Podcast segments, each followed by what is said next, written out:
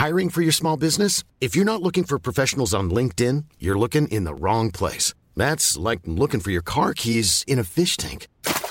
LinkedIn helps you hire professionals you can't find anywhere else, even those who aren't actively searching for a new job but might be open to the perfect role. In a given month, over 70% of LinkedIn users don't even visit other leading job sites. So start looking in the right place. With LinkedIn, you can hire professionals like a professional. Post your free job on linkedin.com slash people today. Millions of people have lost weight with personalized plans from Noom. Like Evan, who can't stand salads and still lost 50 pounds.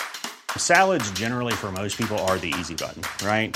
For me, that wasn't an option. I never really was a salad guy. That's just not who I am. But Noom worked for me. Get your personalized plan today at Noom.com. Real Noom user compensated to provide their story.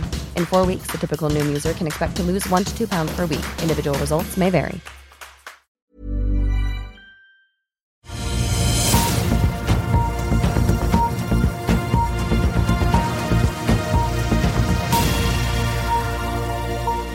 En riktig god mandagsmorgen alle sammen, og velkommen til Børsmorgen her hos oss i Finansavisen. Det har blitt 26. februar, en dag der vi får si at Nvidia har vært på besøk i 2 trillion dollar-klubben i USA, men medlemskapet er ikke helt i boks enda.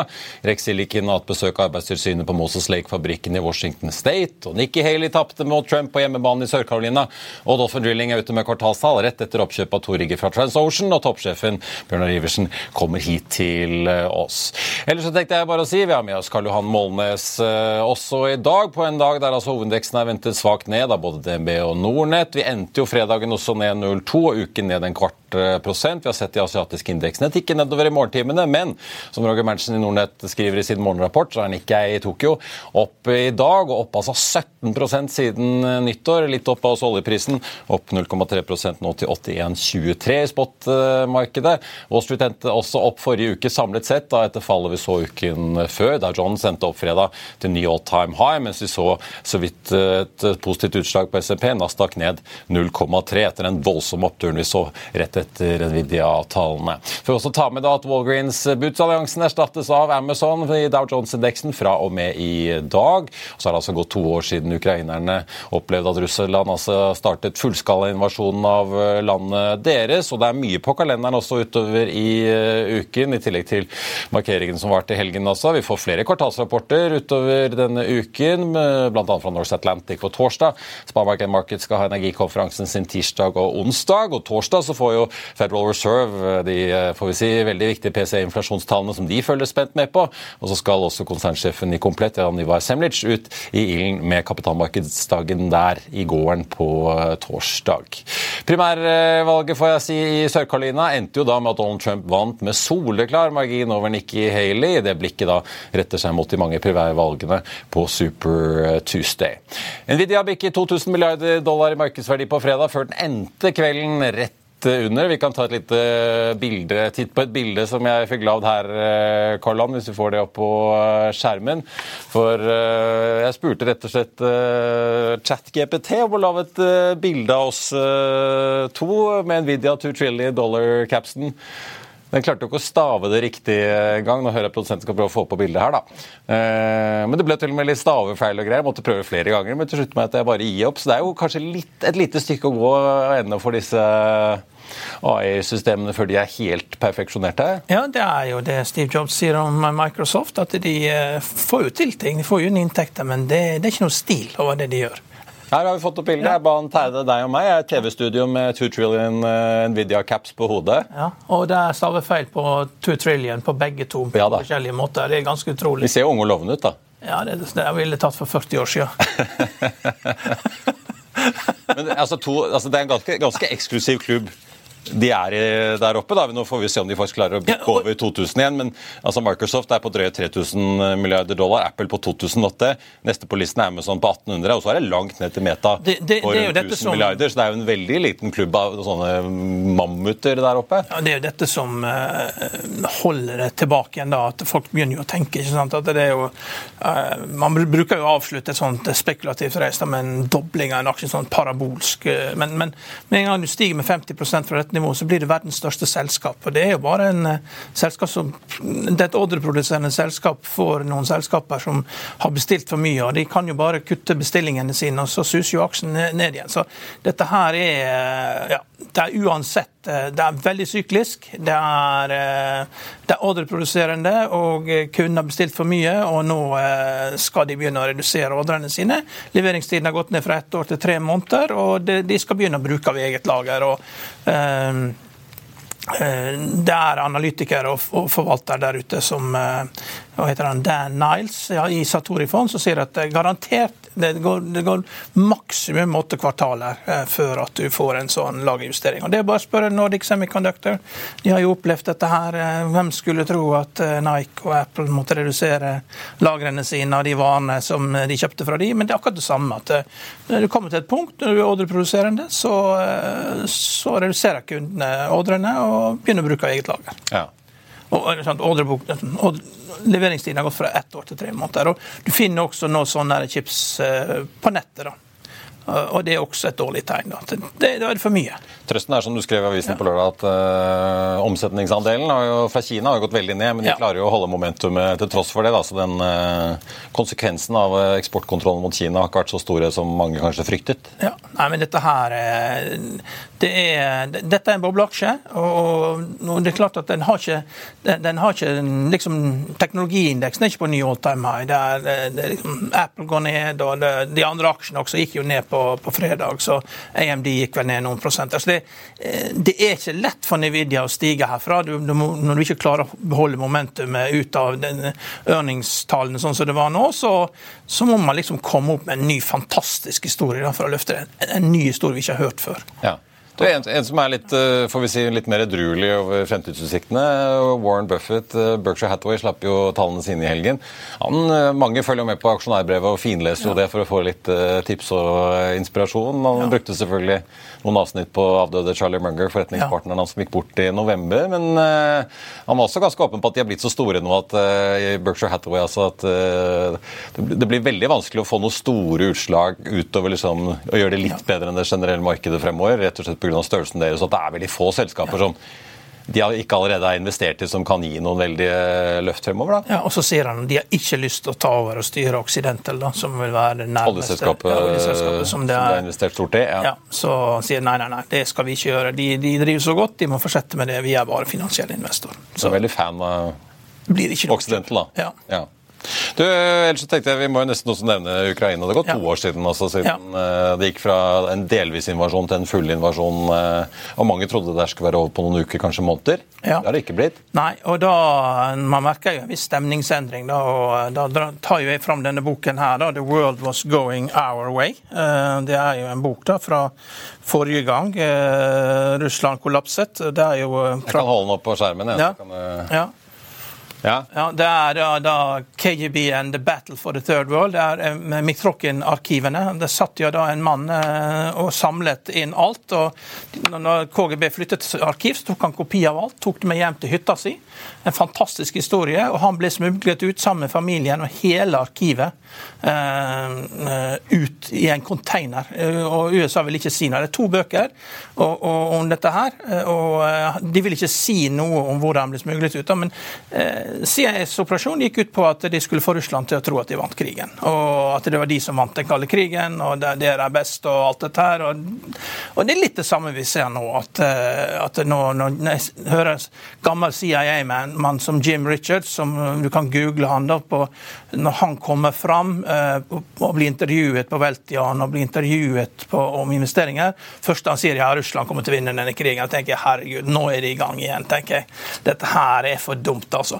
For det er opplagt at det, Vi har jo vært i militæret, og, og, det var jo litt krig når vi var, vi var så gamle at eh, vi var der. Så det, eh, vi vet jo det at eh, det, krig er helt forferdelig, men, men, man må jo sette seg ned og se på hva er neste steg her. Hvis Russland skal avansere, så må de Det er åtte mil til neste by, og skal du begynne med store troppeforflytninger da, det er tusenvis av droner som ligger og overvåker dette, det blir ikke så lett Og, men Russland, med en gang de kommer til en bygrense, så, så tar de fire-fem måneder, så knuser de den byen. altså De tar by for by.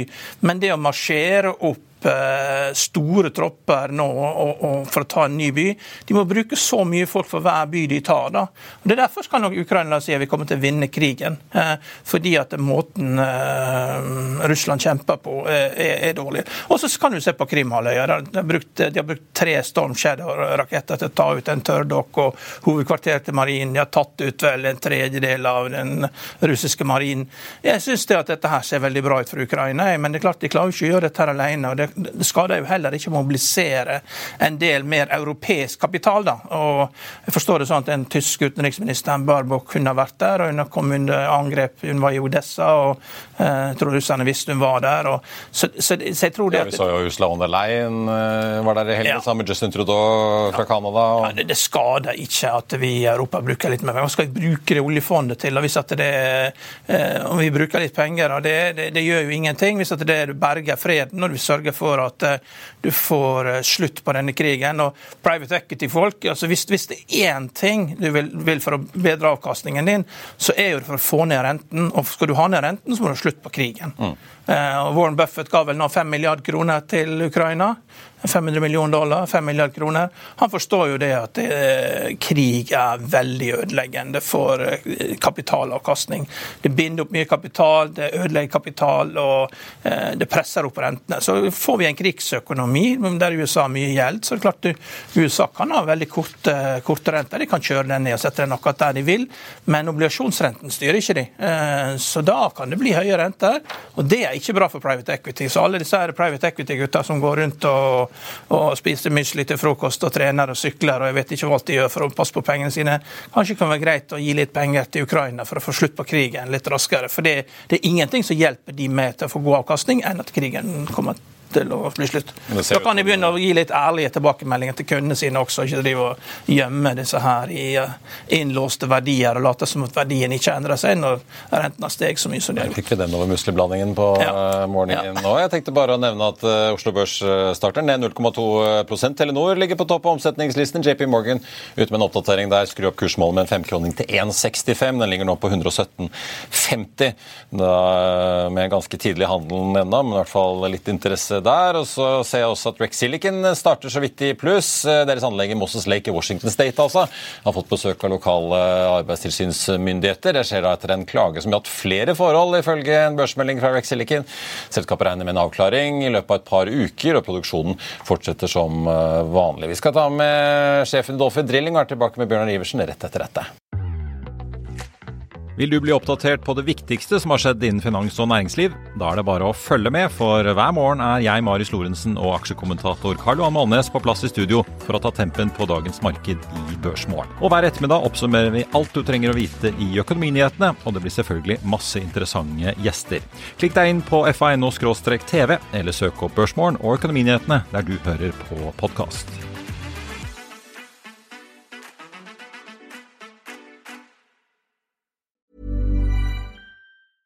Quality sleep is essential. That's why the Sleep Number Smart Bed is designed for your ever evolving sleep needs. Need a bed that's firmer or softer on either side? Helps you sleep at a comfortable temperature? Sleep Number Smart Beds let you individualize your comfort so you sleep better together. JD Power ranks Sleep Number number 1 in customer satisfaction with mattresses purchased in-store. And now, save 50% on the Sleep Number limited edition Smart Bed for a limited time. For JD Power 2023 award information, visit jdpower.com/awards. Only at a Sleep Number store or sleepnumber.com.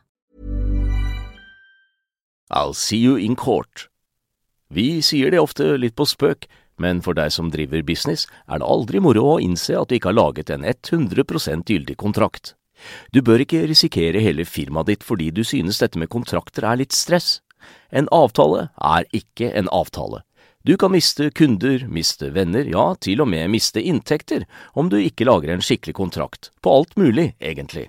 Men vi vet det er et styr, kopimaskiner, tregprinter og haugevis av papir. Dessuten stoler vi jo på folk her i landet. Det er ofte litt kleint å skulle be om en signatur for alt mulig, ja, for mye av styret handler også om jakten på underskriften. Det finnes en enkel måte å løse dette på. Dukkobit. En trygg, effektiv og get this, gratis måte å sikre seg en god natts søvn pluss en juridisk bindende avtale. Dukkobit-appen har de strengeste sikkerhetskrav i bunn, samt en EU-godkjent og sertifisert teknologi. Framover vil det bli behagelig å spørre du, skal vi skrive under på det, eller? Kom i gang på dukkobit.no. Mens uh, USAs president Joe Biden har strammet inn og ikke vil gi grønt lys til nye søknader for LNG-eksport, er tonen annen hos konkurrentene deres i Midtøsten. I helgen ble det klart at Qatar utvider LNG-kapasiteten sin med 16 millioner tonn årlig innen 2030. Det løfter totalkapasiteten da til 142 millioner tonn årlig, ifølge landets energiminister Al-Kabi, som ble sitert av Bloomberg uh, i går. Økningen er drevet av nye funn i Northfield. og uh, Da skal jeg ønske velkommen til dagens gjest, som jo jobber med å nettopp bore frem denne type ressurser ressurser, Bjørn Iversen, Dolphin Drilling. Jeg vet ikke om dere holder på i Qatar eller har lyst til å gjøre det òg, ja, men det er mye gass der? Det er mye gass der. Fryktelig mye gass der. Ja. Men vi er nok ikke der. Nei, Men eh, dere snakker jo i kvartalsrapporten eh, om både India, og dere har kontrakter i Storbritannia, jobber også med norsk sokkel. Er det de tre som er eh, fokusområdet for det som i sin tid var Fred Olsen Energy, og som har gjenoppstått som et eh, riggselskap som satser på, eh, får vi si, et tiår etter oljebremsen? Ja. Jeg vil si det at eh, jeg tror du er inne, rett inne på det der med det du kommenterer. Vårt hoved, hovedmarked er jo UK i dag, der vi da har to rigger nå. Som, en som er på kontrakt, og en som har fått kontrakt, som vi mobiliserer til. Og I tillegg til det så har vi en rigg som skal ut av Nigeria og ned til India. Så jeg vil si det at uh, Som hovedmarked så vil jeg si Nordsjøen, hovedfokus på UK. Og så vil jeg si Asia med, med, da med med India som hovedmarked, som er et veldig stort og kjempeinteressant vekstmarked. for å si det sånn. Ta oss litt igjen, for Dere kom jo ut av oljekrisen og gjenoppsto som Dolphin Drilling med tre rigger. Ja. Har nå kjøpt to fra TransOcean. Er da alle de tre eksisterende nå enten på vei ut eller på kontrakt? da? To av de tre er på kontrakt eller på vei på kontrakt. Ja. Og så kjøpte vi jo to rigger fra TransOcean, som da var Paul B. Lloyd, som er på en lang kontrakt med Harbour. Som da er det største oljeselskapet i UK. Og som kommer inn i Norge? Og som har investert betydelig. De faktisk fordobler eh, ca. oljeproduksjonen sin ved å kjøpe Wintershall DA. Og det er klart at Vi inngikk også samtidig i forrige uke, når vi da eh, konkluderte transaksjonen med TransOcean, så fikk vi en fem års rammeavtale, eller en såkalt Master Service Agreement, på mobil boring med Harbour. Så vi kommer til å gjøre mer med Harbour. Ja. Men jeg så DB Markets skrev i sin morgenrapport at de ventet litt på avklaringer. En ting at dere har kjøpt nye rigger, men også kanskje om det kommer et salg av bidder for Dolphin. Kan du si litt om nå for nå har dere jo da åpenbart gått og ekspandert flåten ved å kjøpe to til. Eh, ja. Hvordan ser dere veien fremover? Da? Er det sånn at dere åpner både for å selge unna eksisterende, eller handler det mest om å eventuelt kjøpe rigger som kan øke kapasiteten ytterligere her? Jeg vil si det at når vi var her til deg for litt over et år siden, når vi lista selskapet, eller relista selskapet, så hadde vi jo 85 millioner eh, dollar i order backlog. Nå er den inklusiv opsjoner, eller letter of intent og letter of awards, på 1,1 milliarder. Det er 13-gangeren. Så det er klart at uh, markedet vårt har økt, og vi, vår strategi har vært egentlig hva skal jeg si, suksessfull i henhold til det vi beskrev da for vel tolv måneder siden. Uh, når det gjelder med denne transaksjonen, så ender vi da opp med to rigger i opplag. Vi har da Leader, som har ligget to til tre år på UK sokkel. Og vi har da Biddeford, som har ligget ca. fem år i varmt opplag på norsk sokkel. Og da står jo vi overfor det der, skal vi ha to eller én? Så jeg tror at vi, vi vurderer å, å, skrape en av de, eller selge til alternativt bruk en av de og så kanskje putte pengene våre på en av de og markedsføre en av de. Okay. Eh, er de, ja, for er de like gamle siden du sier man kan skrape enten eller? Ja, du kan skrape en. Eh, det har litt grann med, den Biddeford er da klassa for norsk sokkel og UK. Den andre er bare for UK og internasjonalt. Mens Leader er nyere og større rigg, mens Biddeford er en mindre rigg. Ja. Så jeg tror nok at Biddeford er den som ligger next in line. Hvis ikke vi får en kunde raskt på den, så tror jeg det at vi bidrar med konsolidering ja. der med det. Det å kjøpe flere rigger, da, hvordan ser dere på det? Hvordan, en ting er jo muligheten deres til det med finansiering og eventuelt kapitalbehov. Det andre er jo hva som fins å kjøpe. Yes. Det har jo ikke blitt uh, satt i gang veldig mye nybygg uh, i denne bransjen de siste årene. Nei, hvis vi ser på det, så er nybygg er jo bare totalt uaktuelt. Vi fokuserer på å få ut det vi har Og det har vi sett på det der fra 85 til 1,1 milliarder, milliarder, dollar i ordremasse. Så viser jo det at liksom momentet i vårt segment er jo der og har vært der nå det siste året. Så vi fokuserer på å få de ut på tid og på kost, og konvertere de 1,1 milliarder dollarene til cashflow. Det er liksom det vi fokuserer på. Og vi bruker hva skal vi si, våre ressurser på det. Vi monitorerer markedet. Men hvis du så på den dealen som, som også Finansavisen skrev om forrige uke, når vi lukka den dealen, så har vi jo liksom sju ganger eh, kjøpspris av eh, riggene til TransOcean i vår order backlog der allerede. Så det er klart at vi ville kanskje gjort fantastiske dealer, men vi fokuserer på det vi har. Mm. Så kapitaldisiplin er vel egentlig et kjempestort stikkord. Men er det mye Altså Er det mange som er interessert i å selge rigger? Vi har jo sett en del konsolidering i denne bransjen også. Altså, typ liksom TransOcean og Valaris og alle disse har jo, de har jo slått seg litt og Noble disse har jo liksom slått seg sammen. og Det har blitt ja. færre aktører. Det er betydelig færre aktører, og vi har tatt en posisjon som er ganske unik. Du har alle de som fokuserer på nye, store rigger. Sånn, typisk TransOcean, som vil ha store boreskip og store semier. Vi har sagt at vi skal være verdensledende på standardsegmentet. Dvs. Si det segmentet som, eh, som, som, leverer standardtjenestene, og som da har som regel litt eldre rigger, men veldig gode rigger. Eh, og det er sånn typisk de markedene som, vi, som, vi, du snakket om i sted, som da er liksom UK sokkel, Vest-Afrika, Asia, Sør-Amerika. Det er de som vi fokuserer på. Så den konsolideringa som er der, det er ikke mye igjen å konsolidere. da. Du kan si det at Standardriggene har gått fra 140, eh, nei, 140 rigger til 26 rigger. Resten er ute av markedet. Skrapa eller godt alternativ bruk. Nå er det veldig få rigger igjen der. Av de 26 så er en 12-13 i Kina. Da er det nesten ingenting igjen. Og vi har fem av de som da er igjen i det standardsegmentet. Så vi begynner allerede å bli en stor aktør i det standardsegmentet. Eh, så konsolidering eh, er ikke mye igjen, da, og det er et tight marked. Blir dette, eller Skal dere bli et utbyttecase uh, fremover nå? Jeg husker jo Oddfjell Drilling kom jo på en måte tilbake på utbyttescenen her i fjor høst for første gang siden uh, oljebremsen. Og historisk så har det jo vært gode utbytte for Jon Fredriksen de som har investert i, i, sektoren før det ble noen veldig magre år. Hvordan ser det ut for Dolphin? Jo, det er helt klart. Vi skal være et, eh, et utbyttecase. For oss er det det der med å få liksom de tre som vi har som nå er på kontrakt, til å pumpe cash, og det kommer det til å gjøre. Og Basert på det vi har, så vil det være rundt 100 pluss dollar i, i, året som kommer ut av de tre. Så skal vi prøve å få én eller to av de som ligger i oppdrag opplag. Kommer på, vi kommer sannsynligvis til å selge en og fokusere på en. Så kommer vi til å, å egentlig fokuserer på og, og, da gjør den siste klassen på den ene riggen ut, som, som, gjør at vi i april neste år da har alle tre til å produsere cash. Og så er det egentlig å konvertere den 1,1 milliarder ordremassen til cashflow, samt bygge ny cashflow. Og vi ser jo at ratene går opp og opp, så, så den, det som kommer etter det som ligger i de 1,1 milliarder i ordreboka, kommer sannsynligvis til å vi tror da har høyere margin enn den som er i dag. Det, er fem analytikere som følger Dolphin Drilling. og eh, jeg regner med at De har ikke oppdatert estimatene sine med de siste hendelsene. Men det, det som står her da, før det er oppdatert, så er det 115 millioner dollar i inntekt på 2024 og et tap på 6 millioner dollar for, eh, for dette. Det blir ikke mye utbytte hvis du taper 6 millioner dollar. Så Hvilken guidance gir du de, de fem analytikerne nå når du signerer nye kontrakter? Hva slags inntekter har du i dine budsjetter for 2024, og hva slags bunnlinje har du for 2024? Jeg tror ikke de er langt unna fra 2024. 2024. For okay. vi har våre, våre tre rigger kommer liksom på kontrakt fra første kvartal 2025. Okay. Så vår cashmaskin er der. Du kan si at 2024 da har vi Paul B. Lloyd som genererer det som en skal gjøre, som er vel 100 000 dollar er, per dag. Mm. Så det er utbyttecase for 2025, dette? Riktig. Ja. Og så flytter vi ja. eh, Blackford fra, fra, India og ned, nei, sorry, fra Nigeria og ned ja. til India. Det koster litt penger.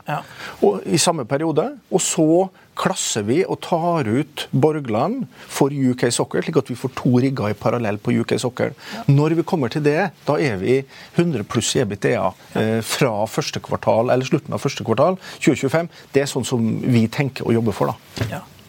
Men hvordan er økonomien i dette? Dette er jo modne rigger. da. Og Jeg tuller jo litt med det. Jeg mente jo du burde kalle selskapet Vintage Drilling. Det syns ikke det var så morsomt. Det er jo Nei, det er ikke morsomt. Jan Sjøli som hadde det navnet på en Han foreslo det på Vintage Tankers en gang, så jeg må gi en kreditt for å ha kommet opp med dette her. Altså.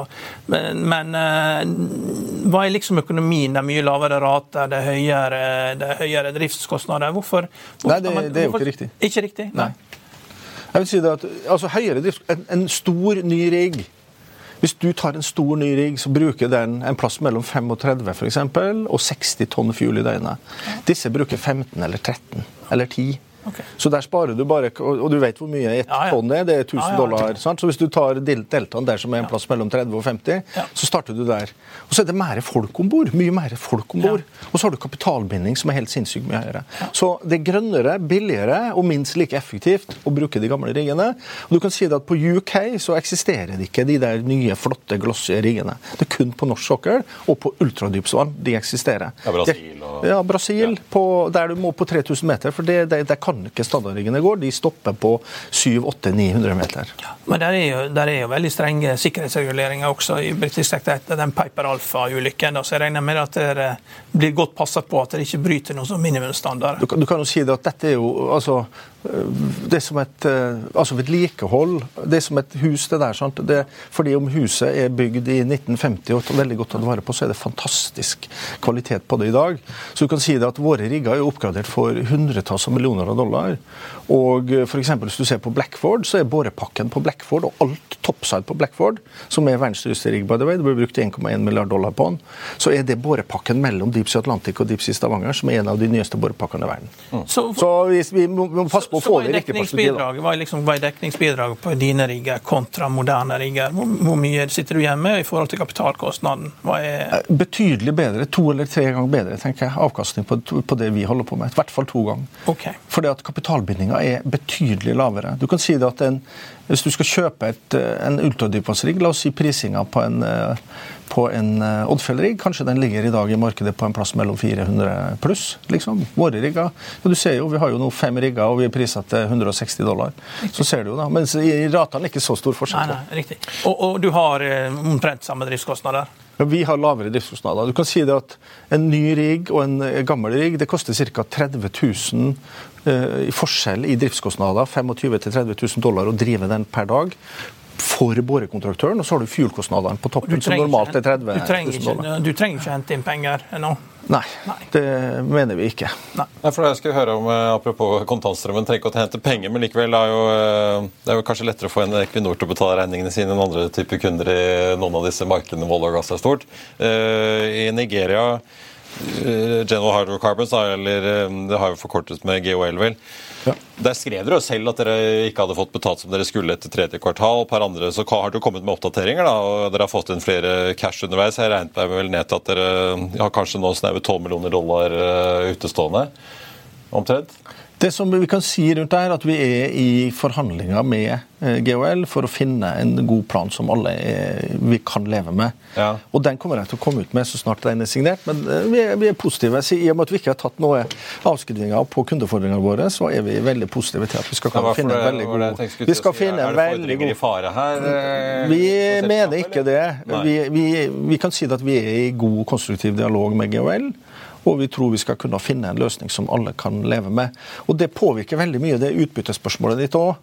Vi, vi, hvis du så på, på, på første kvartalsrapportering ikke første kvartalsrapporteringa. På første kvartals Vi var ute med en, med en finansiering på 65 millioner dollar til, hos MAP, som delvis ikke er trukket på. Det var i forbindelse med kjøpet av uh, TransOcean, men vi har en betydelig cashreserve å trekke på der. slik at vi kan si det at Selskapet sitter jo nå på en eh, ordremasse, en fast, fast ordremasse med faste kontrakter på over 480 millioner dollar. Og det er klart at vi har hva skal vi si, lånekapasitet her som vil kunne løse problemene våre. Da, hvis, vi, hvis vi ikke får de pengene ut så tidlig som vi hadde håpa. Men vi jobber veldig hardt og tror vi finner en veldig veldig god løsning med GHL. Og, og vi håper å kunne rapportere på det om ikke så altfor lenge. Så det har bare 15 millioner dollar i gjeld, stemmer det? Har bare 15 millioner dollar i gjeld? Ja. ja. Ja. Men jeg, så Kundefordringene økte vel til litt over 42, 47 millioner dollar samlet sett for hele selskapet. Ja.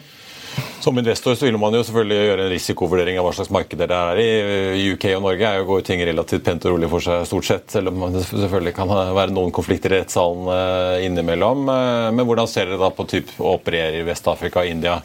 Er det en større risiko man også som investor må være klar over for at denne type ting kan dukke opp, eller? Jeg tror Afrika har vært krevende for oss. Dette har tatt mye mer tid og mye mer cash enn hva vi hadde trodd. Det er riktig. Nå håper vi å finne en god løsning på det. India er jo, altså Der har vi jo en letter of award med Oil India, som er et statsselskap som alltid betaler på tid, som er en av de topprata selskapene i India. Så der vil jeg si den kunden vi har der, den tror jeg nok er en primakunde. Ja. Så, så, vi går kanskje ut ifra Nigeria, der vi har eh, da hatt våre delvis utfordringer, som vi da kommenterte på der, og at vi kommer over i en, hva skal vi si, et bedre regime med tanke på betaling, da, kan vi si. Så får vi uh, se hvordan det går. Hvordan uh, tror du ratene Du sier jo sånn på sikt at uh, dere forventer at det skal tikke oppover. Ja, vi... er, det, er, det, noen tegn til noen forstyrrelser i sjøen? For vi ser jo selv med Apropos Ukraina-krigen, så har jo oljeprisen den har, liksom, Vi ser den jo ligger rundt 80. da. Det, er, skal, det, virker som det skal mye til for å få den opp i 90-100. Men hvordan ser da liksom verden ut for en uh, riggeier? Jeg vil si det at uh, moment, jeg føler at momentet øker, og jeg er egentlig veldig fornøyd med det jeg har sett i Asia, spesielt India.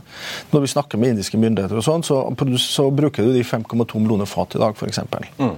Og de produserer 700 000-800 000 fat. De skal investere nå nesten 60 milliarder dollar på å utvikle egne felt nedi der, og de kommer til å ha et betydelig behov for standardrigger og, og, og, og, de har en projisering da, i henhold til sin egen, sin egen, statistikk, der de skal gå da fra 5,2 millioner fat i konsum til ca. 12 millioner fat i konsum i løpet av ti år. Det er dobbelt av OECD-fallet-projiseringene. Bare sånn liksom ser eh, perspektivet her. Så jeg vil si at Asia har momentet. Spesielt India, vil jeg si. Og så er det kort vei når riggen skal skrapes, så er det veldig kort vei til Alang Beach. Så får det, igjen. Ja, det er det man helst ikke skal gjøre. Det, Karl Johan. Nei, men jeg, jeg, spør også, jeg, jeg synes det var interessant. Vi hadde jo besøk av sjefen i TGS, Kristian Johansen, som jo slår seg sammen med PGS om dagen. Ja. Eh, PGS falt jo omsetning i fjor, og de har vært ganske åpne på at oljeselskapene har prioritert boring og rigg eh, på litt eh, yes. når budsjettene må prioriteres over seismikk, som jo er ganske interessant. fordi det er jo en sånn story om at her skal bare alt stige. liksom du sier, og Det ser vi jo forbruket av kull og gass og olje. Det tikker jo bare oppover. Det tikker oppover. Men likevel var det jo litt interessant å se at seismikk blir liksom litt ofret i siste liten, og da kanskje man bruker litt mer på, på rigg. Ja, jeg ser det helt klart. Bare denne uka har vi flere anbud som skal inn igjen. Så jeg, altså, du kan si at Hvis du gjør en sånn grov makroanalyse av boremarkedet, så kan du si at uh, ultradypvannsmarkedet, som de store og inklusive Oddfjell har vært på, har flata litt ut. Så kan du si at det standardmarkedet som vi har, det følger som regel ett til ett og et halvt år etter dypvannsmarkedet. Så vi har fullt moment i vårt marked ennå. Og vi har en plass mellom 20 og 30 anbud som er i prosess inni der. Men igjen, sant, vi er jo liksom nå i stor grad utsolgt de neste åra på kjernenøkkel- og nøkkelassetene våre. Og, og, og, så får vi jo se, da, så får vi fylt på etter back der, men da snakker vi fra 27, 26, slutten av 26 og 27 og utover. Og, og det, det ser ganske bra ut, det, altså. Bjørnar Iversen, konsernsjef i Dolphin Drilling, tusen takk for at du kom til oss. Så skal vi følge med på både oppdateringer på fordringer i Nigeria, og mobilisering og flytting til India og mye annet. Og kanskje kommer en rigdeal òg. På tappen av sendingen så tenkte jeg bare å nevne at eh, vi har fått et par analytikeroppdateringer på litt ulike selskaper det er verdt å merke seg. Carnegie har regnet litt på Doff Group etter kvartalsrapporten forrige uke. Slenger på en 20-kroning på kursmålene og jekker det da opp til 100-lappen. Gjentar kjøpsanbefalingen. Den endte fredag på 64. Pareto tar også øker fra 72 til 80. Sparebanken Markets fra 73 til 77. Og Så er det oljeselskapet Okea, da, som jo har slitt med mange negative nyheter, særlig etter denne Statfjord-dealen i fjor, med en stor nedskrivning etter at det viste seg at det var færre ressurser og høyere kostnader enn ventet. Nå velger da med Sparbank Markets å heve kursmålet fra 38 til 45. Den endte fredag på 22 kroner. Til slutt, MPC Container Arctic tar og nedgraderer der fra kjøp til hold. Nedjusterer kursmålet fra 1790 til 1440. Den endte 15 15,57 på fredag. Så nevnte jeg også JP Morgan som jekker opp Telenor litt. Grann. Telenor ligger da nå som nest mest omsatt, men opp halvannen prosent på Oslo Bør. Equinor ligger på toppen med en nedgang på 1,3. Hovedindeksen ned 0,2. Som jeg nevnte, oljeprisen så vidt i pluss i dag. Ligger og vaker rett over 81 dollar fatet. REC Silicon ligger opp 1,7% og så får jeg også ta med si, dagens gjesteaksje Dolphin Drilling. Var ned fra start, men har snudd nå opp og ligger opp 1,3% i de tidlige får vi si, minuttene av handelen på Oslo Børs. Det var børsmålen for denne mandag 26.2. Husk å få med deg Økonominyhetene 14.30. Da er Trygve Hegnar med her i studio. I mellomtiden så får du som alltid siste nytt på F1 og gjennom hele dagen. Ha en riktig god mandag, alle sammen. Vi ses.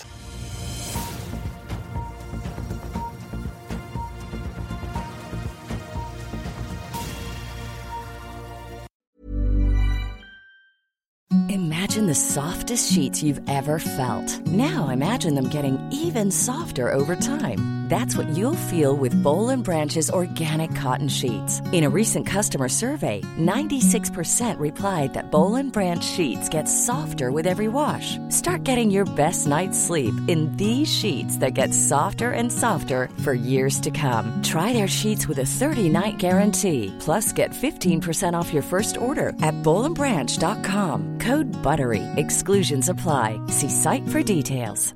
Even when we're on a budget, we still deserve nice things.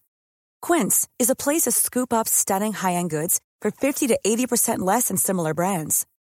They have buttery soft cashmere sweaters starting at $50, luxurious Italian leather bags, and so much more.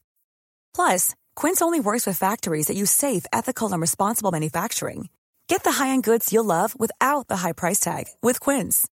Go to quince.com slash style for free shipping and 365-day returns.